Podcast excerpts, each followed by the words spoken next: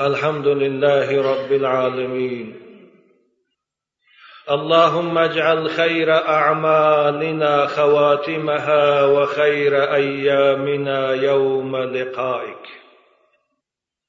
پروردگارا بهترین عملهای ما را همون عملهای قرار ده که در لحظه های آخر حیات خود انجام بدهیم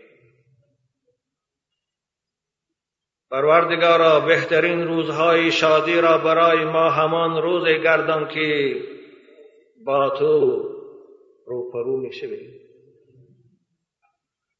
اللهم اشفی مرض المسلمین. اللهم ارحم موتانا وارحم موت المسلمین. خدایا بیمارای اهل اسلام و خصوصا بیمارای این عاشقان مدرسه محمدی را شفای کامل عنایت فرما. و از تفیل اینها و از قطار اینها خدایا بیمارای ما را هم شفای کامل نصیب گردان. پروردگارا گذشتگان ما را که در عالم قبر با حسرت خوابند و از ما امید فاتحه دارند خداوندا شامل رحمت گردان. و باقی مانده گذشتگان تمام امت اسلام خدایا سزاوار رحمت گردان. اللهم اهد اولادنا واولاد المسلمين اللهم اهد اولادنا واولاد المسلمين واطرد الشيطان من بيوتنا ومن بيوت اخواننا المسلمين پروردگارا فرزندای ما را چه پسران و چه دختران ما را از راه اسلام از راه پیروی قرآن. جدا نگردان. و از راه های زلالت و گمراهی و از راه های پیروی کردن از دینهای باطل و مذهبهای گمراه کننده خدای فرزندای ما را نگه دار. و تمام امت اسلام فرزنداش خدایا از راه های زلالت نگه دار و از پیروی قرآن جدا نگردان.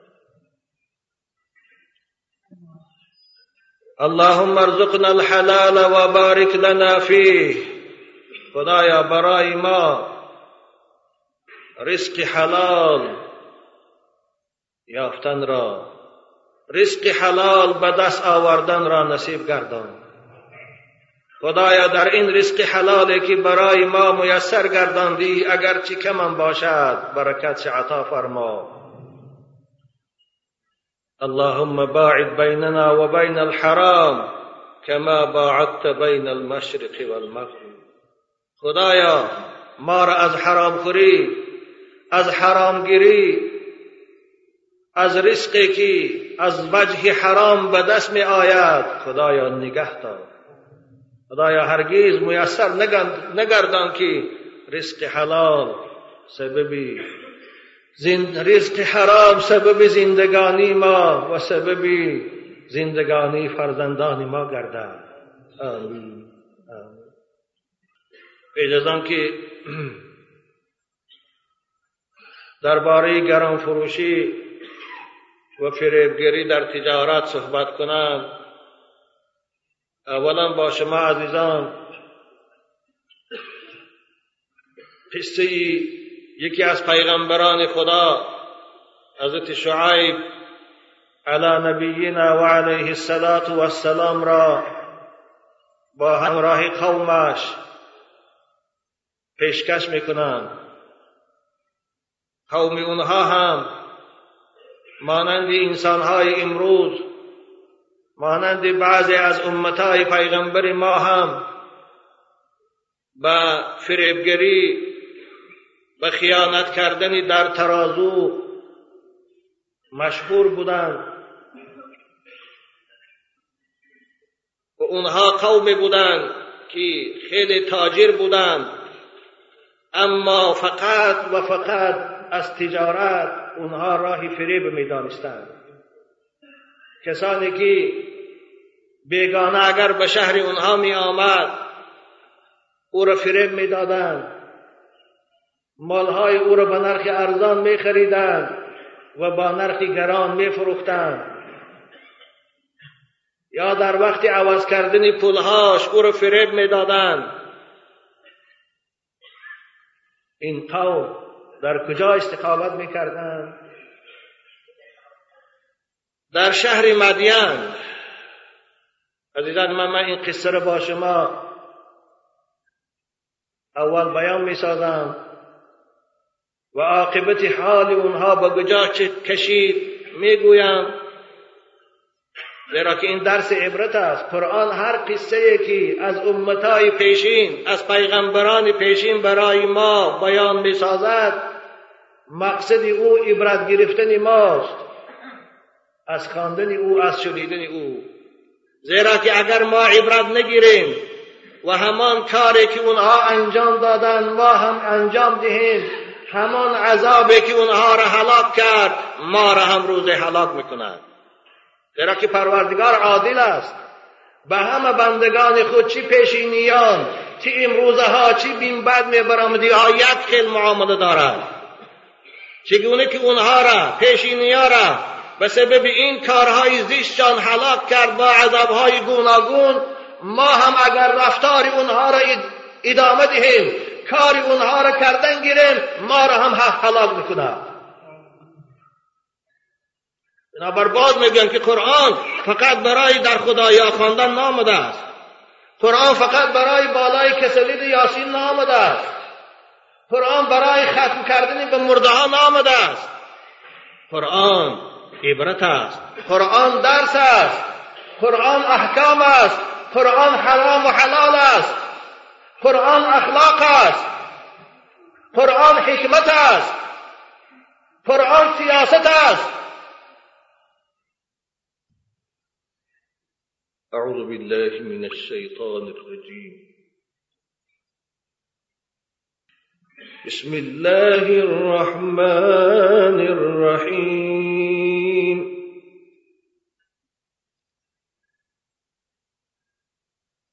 وإلى مدين أخاهم شعيبا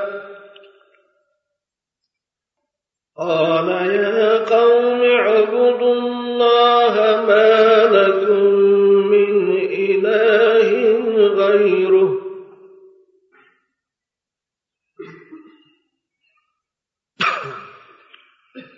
پیغمبر به یاد آر و برای امت بخوان.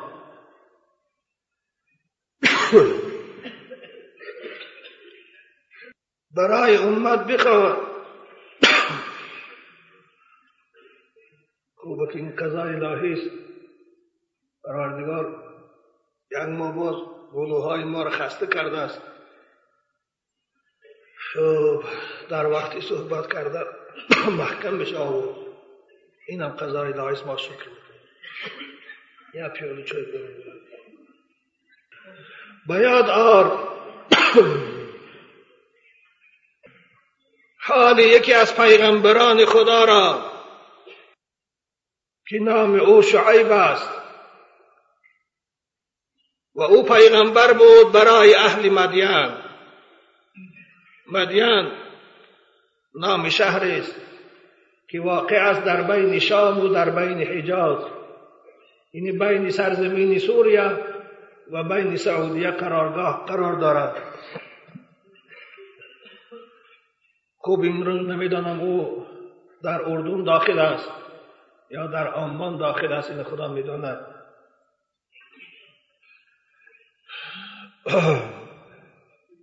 و اهل آن شهر تاجر بودند. و اونها در تجارت اکثر یکدیگر فریب می‌دادند. و خصوصا مسافر به آنجا می آمد.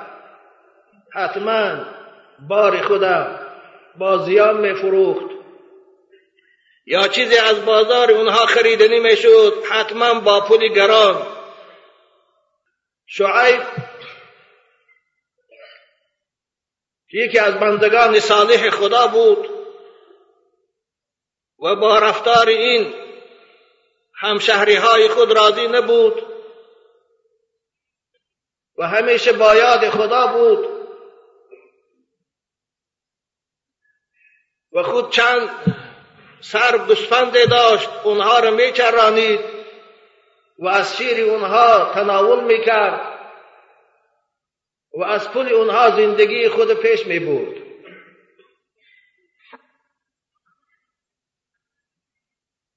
حضرت شعیب آن روز حالا پیغمبر نشده بود.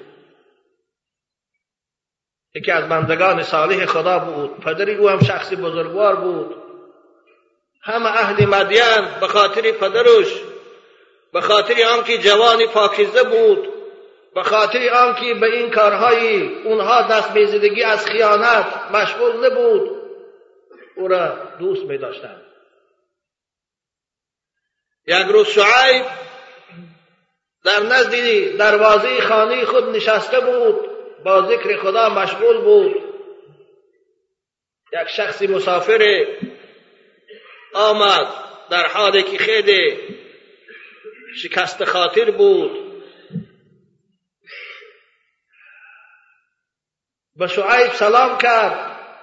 حضرت شعیب سلام او را علیک گرفتند. گفتند ای بنده خدا من شنیدم که در این شهر شما شخصی با تقوا آدمی پاکیزه آدمی خوبه هسته من همین روز از بازار صد کلا گندم خریدم. من به زبان امروزه بگویم. صد کلا گندم خریدم با صد سامانی وقتی که پول دادم گندم گرفتم جای خواب خود بردم در ترازوی دیگه کشیدم هشتاد کیلو برآمد. بیست کیلو منو فریب کردیم وقتی که نزد اونها رفتم که به من همین تو بیست کیلو حق منو خوردید اونها منو دشنام دادن کاهش کردن حق منو بیتیان. شما روید و همون حق من از اونها رویانده تی حالا حضرت شعیب پیغمبر نشده بود. عادتا دوستای خدا خیلی غمخوار می‌شوند. دل ملایم دارند. خستن و همراه همون شاید بازار رفتن.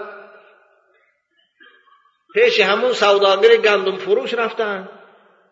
گفتن آخر این بیچاره را از راه دور آمده است برای خریدن گندم. از صد کیلا بیست کیلای وی فریب کردی. آخر از خدا نمیترسی. نصیحت کرد. و جای آن که اونها خوب ما نافهمیده شد از حق او رو می‌تونیم گویا اقرار کنند. هم حضرت شعیب دشنام دادند هم او بیچاره را آزار بسیاری دادند شعیب گفتند تو خود نمیدانی که وظیفه ما در بازار فریب کردن است. ما از آدم ها ارزان می‌خریم قیمت میفروشیم. ما از آدم ها ترازو رو وزبین کرده می‌خریم. وقتی فروختن با 20 سی گرمش می‌زنیم میفروشیم. آنان که ترازو فروش های ما عادت دارن. تو وظیفه ما همین است تو ما رو نصیحت کنی میبیایی. او یا حضرت شعیب سرزنیش بسیاری کردن کاهش کردن او بیچاره دیگر ندانست چی گوید گشته به خانه رفت. امشب به فکر پروردگار مشغول شد که خدایا این حال چی بشده باشد. نصف شب بود که جبرئیل امین با امر پروردگار در رسید. و به حضرت شعیب بشارت پیغمبری را آورد. و گفت ای شعیب پروردگار به تو سلام بفرستد بعد از سلام می‌گوید که تو را من پیغمبر کردم و این اهل شهر مدینه. از این کارهای رزیدشان با نصیحت کردن باز دار. خوب حضرت شعیب بعد از آن که فرمان خدا صادر شد عزیزان من پیغمبرا دیگر آرام ایستاده نمیتانم.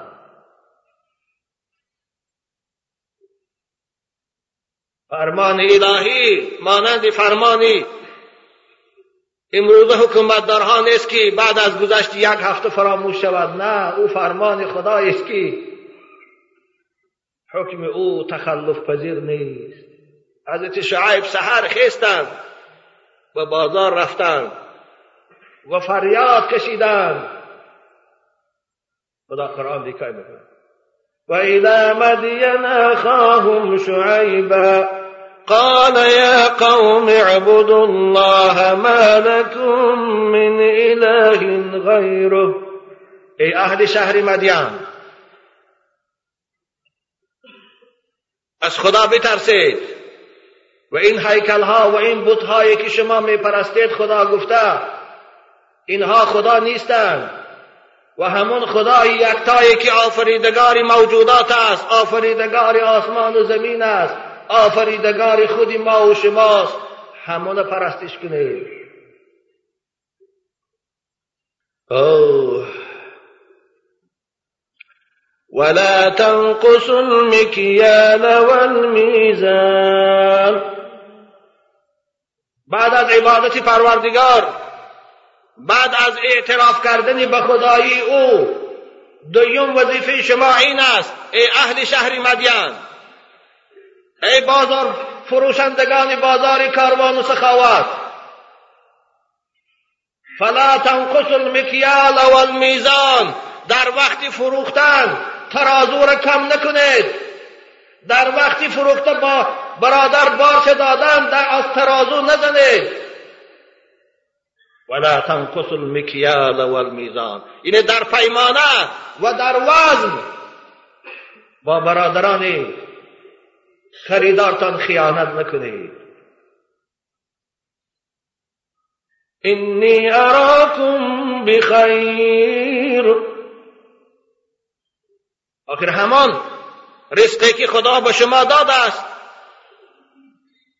و همون مالی که شما دارید اگر کم هم باشد فایدی کم هم که داشته باشد این برای شما بهتر است.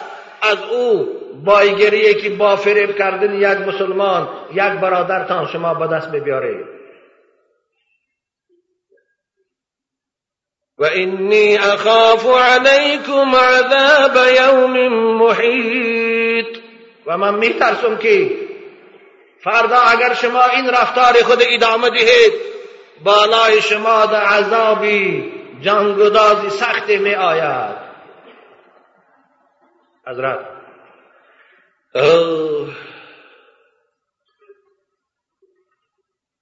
این دعوت در بازارها در کوچه ها گفته می گشتند اما او قوم سرسخت. او قوم بدبخت.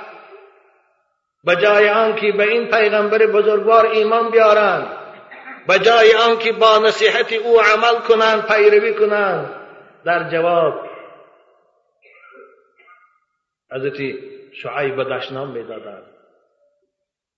حضرت شعیب بیچاره باز فردا می آمد باز پس فردا می آمد بار بار تکرار می‌کرد بار بار نصیحت می‌کرد بار بار اونها رو میفهماند حضرت می‌گفت و یا قوم اوفوا المکیال والمیزان بالقسط.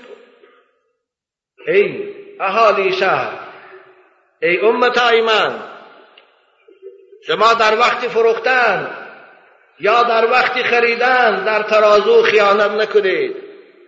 در وقتی که مال خود به خریدار نشان میتید عیب داشته باشد عیب چه پنهان نکنید. در ترازو راستکار باشید. ولا تبخسوا الناس اشیاءهم ولا تعثوا في الارض مفسدین و در وقتی خریدن از مردم بار را اونها را خیانت نکنید یعنی ترازوتان با حله با نیرنگ سبوک کرده از اونها مال نگیرید و مال نتید و این گران فروشی و این زدن از ترازو سبب فاسد کردن زمین است شما زمین به سبب این فاسد نکنید در سوری اعراف هم پروردگار این منظره رو بیان بکند. حضرت شعیب گفتن ولا تفسدوا فی الارض بعد اصلاحها. آخر این فریب کردن مسلمان برادر مسلمان شد این فاسد کردن زمین است. این ویران کردن اخلاق است. این خیانت کردن است. به سبب آمدن پیغمبر به سبب آمدن قرآن زمین اصلاح شد. از نو شما اونها را باز فاسد نکنید. حضرت شعیب نصیحت می‌کرد. اونها را میفهماند خلاصی کلام. شعیب صحبت نصیحت قبول نکردند. حضرت شعیب حتی آزار دادند. حتی تحقیر می‌کردند.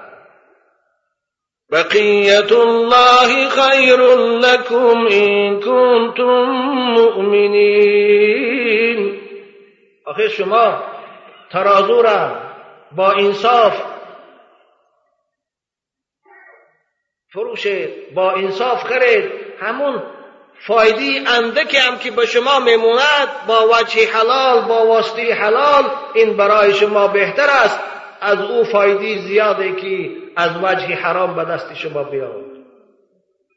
آره شما یک سوم فایده کنید اما با راه حلال این برکتش زایدتر است از او ده سومه که با فریب از برادر تا می‌گیرید زیرا که مال مسلمان این برابر خون مسلمان است. وقتی که شما مال مسلمان با فریب می‌گیرید گویا خون برادر مسلمان تا نریخته بنابر قرآن در آیه های فراوان خوردن مال مسلمان از وجه باطل من می‌کند. خوب حضرت شعیب گفت که هشیار شوید. اگر شما نصیحت منو نگیرید من میترسم که خدا شما را عذاب می‌کند.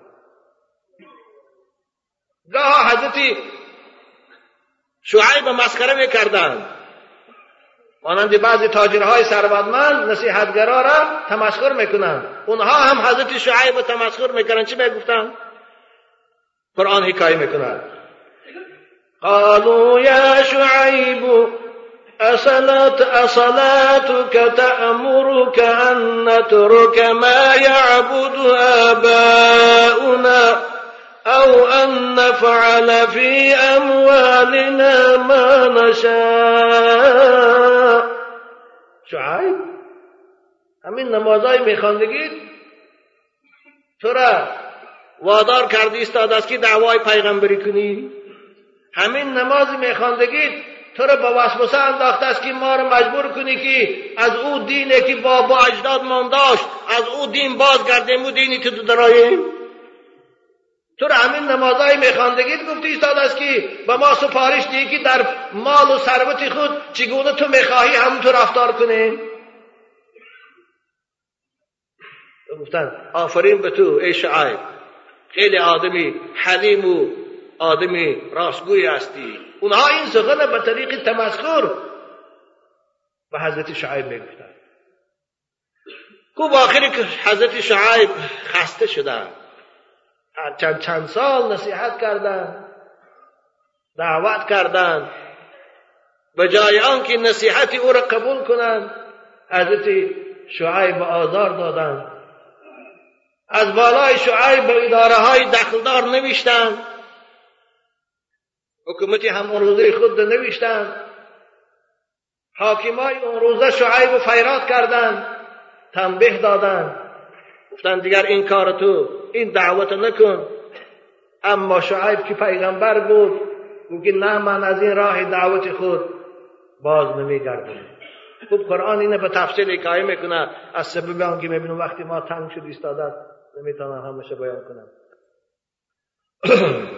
خلاصه کلام. وقتی که حضرت شعیب از این در راه دعوت باز نیستاد اونها را سرزنش کردن گرفت.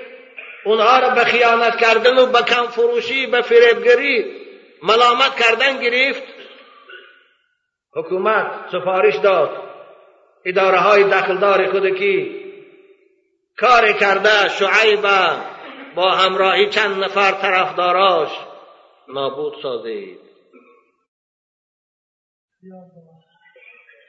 گفتند وقال الملأ الذين كفروا من قومه لئن اتبعتم شعيبا إنكم لكال خاسرون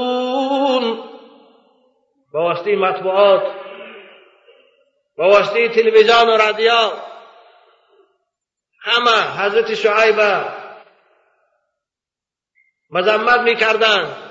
همه او رو سیاه کرده در بین خل نشان می‌دادند وظیفه دشمنان اسلام همین است. مقابل دوستای خدا از هر راه و واسطه استفاده می‌برند چی از گزیت و ژورنال چی از تلویزیون و رادیو چی به واسطه آدم های مخصوص خبر فهم کردن. حضرت شعیب سیاه کردن گرفتن در بین مردم بد کردن گرفتن بدنام کردن گرفتن. حتی اعلام کردن هر کسی که از قفای شعیب می رود هر کسی که با شعیب پیروی می‌کند او حتما جزا داده می شود و این اتبعتم شعیبا انکم اذا لخاسرون. اعلان شد. رادیو گزیتا و مطبوعات قرار خواند. حضرت شعیب را خسته شدند.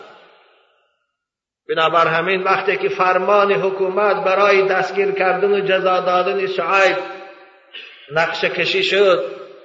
حضرت شعیب به پروردگار خود متوجه شد. در که شعیب وارث داشت شعیب هم صاحب داشت. وقتی که برای به حبس گرفتن شعیب فرمان صادر شد و های مخصوص زد عمل برای قبض او برای به دست گرفتن او آمادگی می‌دیدند. حضرت شعیب تلفن دستی خود گرفت و به ذات اقدس الهی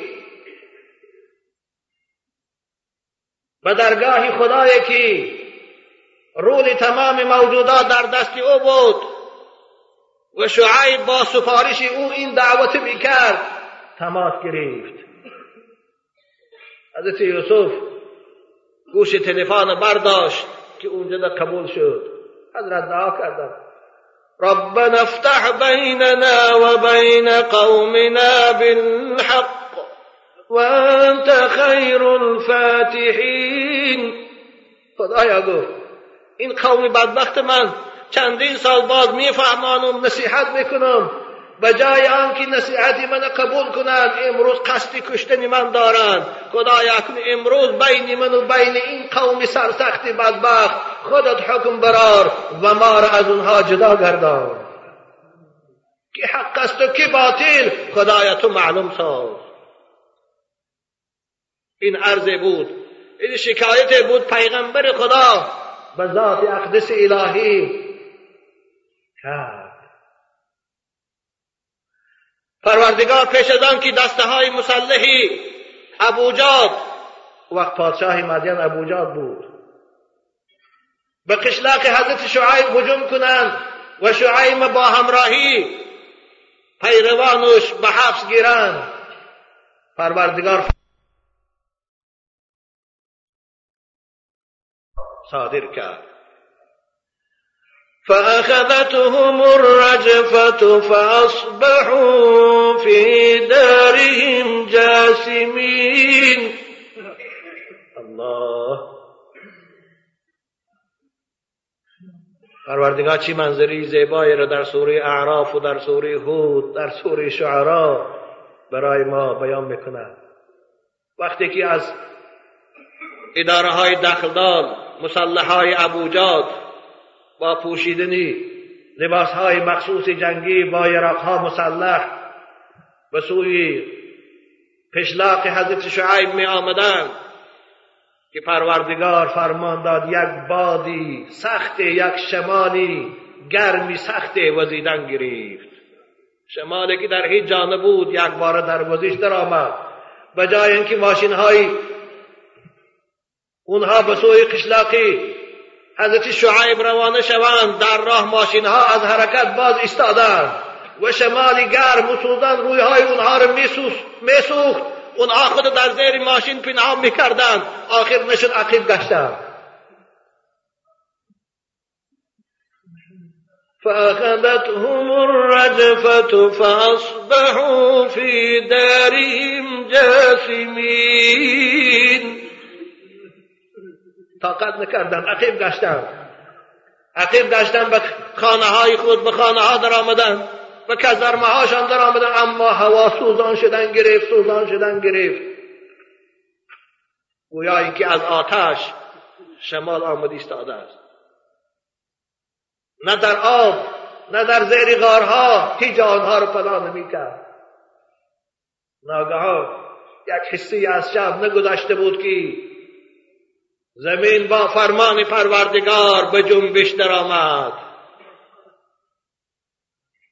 فأخذتهم الرجفة فأصبحوا في دارهم جاثمين. چنان زمین جنبیه شد که همه خانه ها فرو رفتند. از دهشت آن زمین جنبی و از فریاد سختی حضرت جبرئیل دلهای مسلحای ابو جاد پاره شد. یک حسی از شب گذشت. زمین جنبی آرام شد. وقتی که صبح دمید از اهل همان شهر یگان کسی زنده باقی نمود. وقتی که خانه ها می‌دونه همه در خانه ها به زمین افتیدگی حلاک شدگی خواب هستند زیر ویرانه ها زیر دیوار زیر ستون زیر چوب و تخته زیر سنگ ها. الذين كذبوا شعيبا كأن لم يغنوا فيها. الذين كذبوا شعيبا هم هم الخاسرون. خدا میگد آن کسانی که شعیب دروغگو می‌دانستند. آن کسانی که پیغمبر خدا را مقابل جنگ اعلان کردند خوشان چنان هلاک شدند که گویا در او شهر اونها یگان آدمی زنده نبود. که لم یغنو فیها که لم یقیموا فی ابوها در همون شهر هرگز اینها زندگی کردگی نبودند. خواب یکسان شدند. الذين كذبوا شعيبا هم الخاسرون. کسانی که شعیب دروغگو می‌دانستند خوشان زیان دیدند خوشان هلاک شدند خوشان به غضب خدا مبتلا شدند. وقتی که حضرت شعیب آمدن دیدن همه شهر ویرانه یگان آدم زنده نیست. حضرت شعیب پروردگار با پیروانش نجات داد.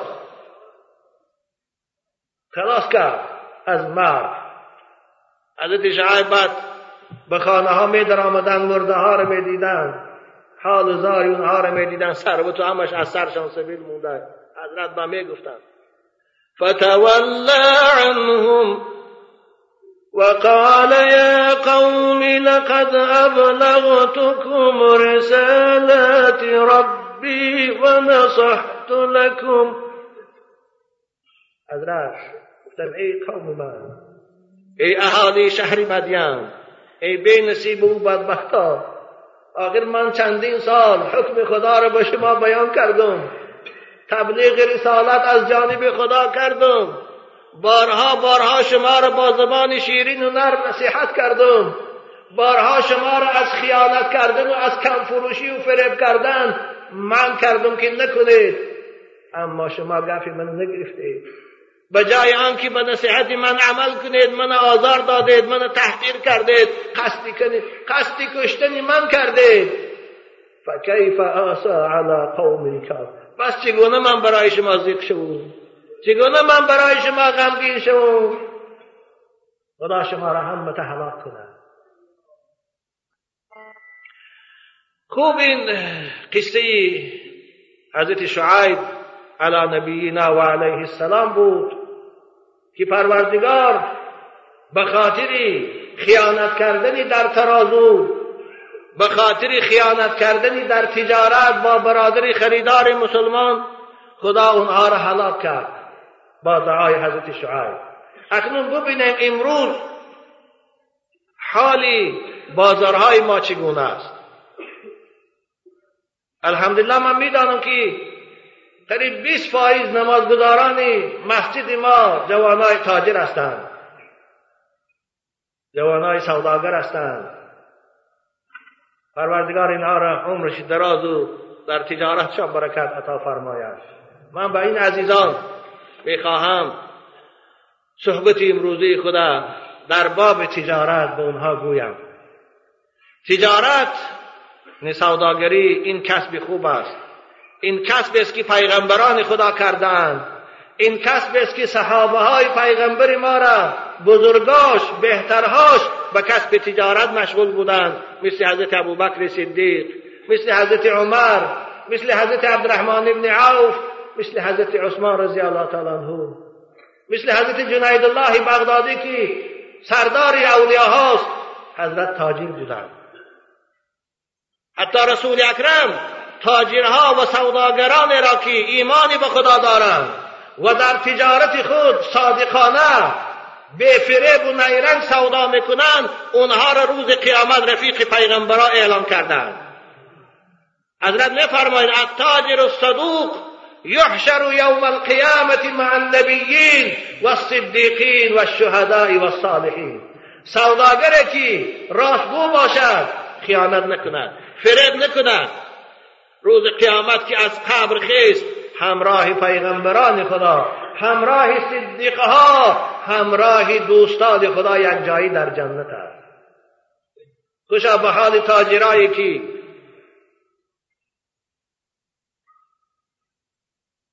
راستگو هستند. خوشا به حال تاجرایی که در تجارتشان کسی را فریب نمی کنند. آنچه حق خود هست می‌گیرند آنچه حق مردم است میتیند اینها همراه پیغمبرند. اما تاجری که در تجارتش خیانت کند تاجری که در تجارتش خریدار فریب دهد. او مانند قوم شعیب سزاوار لعنت خدا می شود. سزاواری عذابی همیشگی پروردگار میگردد رسول اکرم صلی الله علیه و سلم پیش از آن که مدینه آمدن اهل مدینه را در بازارش فریبگری هم مشهور بود. بازار در بعضی بیچاره رو فریب می‌کردن رسول اکرم آمدن مدینه. پروردگار این سوری مبارکه رو فرستاد. أعوذ بالله من الشيطان الرجيم ويل للمطففين الذين إذا اكتالوا على الناس يستوفون خدا گفت وای برای کسانی که در تجارت فریبگری می‌کنند. ویل نامی کامری است نامی. زندان است از زندانهای دوزخ. عذاب او آنقدر جانگدان است که رسول اکرم گفتن لو سیرت فیها جبال الدنیا لذابت من شدت حرها. اگر در آن زندان کوهها را سنگه های کوه بارین کلان اندازی از حرارت بلند این آتش این سنگه آب می شود این چاه و این زندان قرارگاهی همون سوداگرای است که در تجارت خریدار فریب می‌کنند.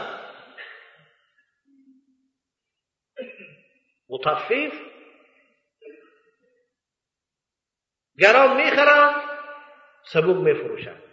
تفسیرش خدا بیان بکنه. الذین اذا اکتالوا علی الناس یستوفون. وقتی که یگان دهقان بازار مالش بیارد ارزان کرده می‌خرند وقتی که یگان دهقان گندماش بازار بیاد ترازوی مخصوص دارد وزبین وزبین کرده می‌گیرد اما وقتی که خودش فروخته شد ثانی بعد ترازو رو سبوک کرده بفروشد صد کیلا گفته از دهقان خریده بود خودش وقتی فروختن به بیست کیلا کرده میفروشد. می‌زنه. و ایزا کالوهم وقتا که پیمانه می‌کنند او وزنوهم یا وقتی که ترازو خطی میفروشند یخسرو فریب می‌کنن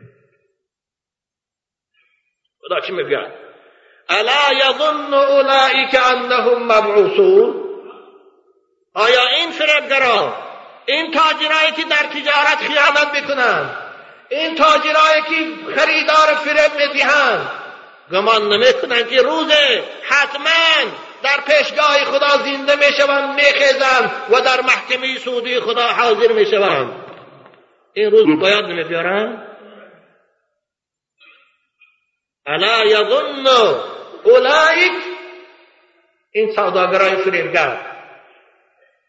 این تاجرهای خیانت پیشه. مالی که بغوز نیست. گاوه که عیبدار است. قسم می‌خوره که بغوز است میفروشد برای بیست سوم زایتر فروش می‌کنند حالا پولی که برکت ندارد. رسول اکرم صلی الله علیه وسلم در حدیث صحیح به شما عزیزان سوداگران حضرت میفرمایند یا معشر التجار ایاکم و کسرت الحلف فی البیع. ای سوداگرها در وقت سودا زینهار قسم نخورید. قسم بر دروغ در وقت تجارت در وقت سودا نخورید شما. فانه ینفق ثم یضحق رواه مسلم. آره شاید به این قسم بر دروغ تو اندک وقت پول تزاید کنی اما این پولی تو زود برکش می‌رود زود تلف می‌شود بنابر ببینه همون آدمایی که با قسم دروغ مال ارزان قیمت میفروشن هیچ کدامش بای نیستن.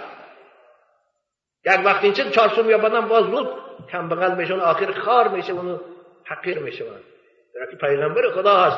حضرت گفتن ثم یمحقو خدا حتما مالی که با فریب به دست آمده است. او رو برکتش از بین می‌برد.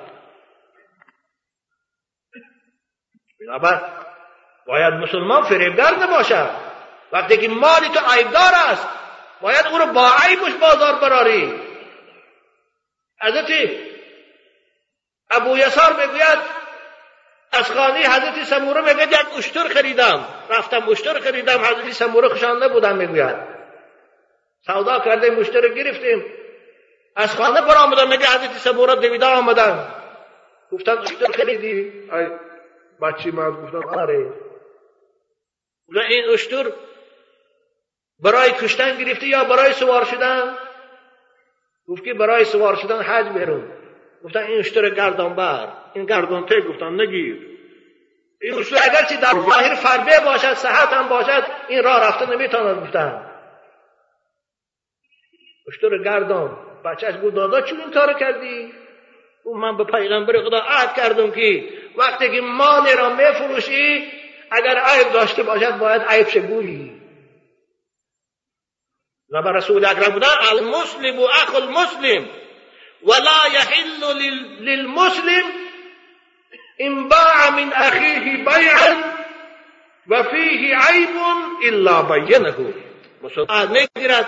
نخوان اما با فریب عیب پوشیده با برادرتان نتید که فقط در پیشگاه خدا خجالت شرمنده می‌شوید اکنون وقتی ما هم به پایان رسید باز بیروند جنازه هم هست که منتظری ما و شماست. دعا کنیم پروردگار همین ما و شما را خصوصا جوانای تاجری که صحبت ما را شنیدن و من بعد میشنوند خدایا اینها را عمری دراز و تنی صحت و در تجارتاشان خداوندا برکت عطا فرما و از راه فساد اخلاقی فریبگری کم فروشی فریب, فریب دادن خریدار پروردگار تاجرای ما را نگه دار. پروردگار فیض و برکات در این دیار ما نازل گردان. پروردگار آفت و ناراحت و ناتینجی را از این جمهوری ما برداشته گردان. و همه مسجدهای ما را و مدرسه های ما را خدای برای بروی مسلمان ها کشاده دارد. آمین یا رب العالمین.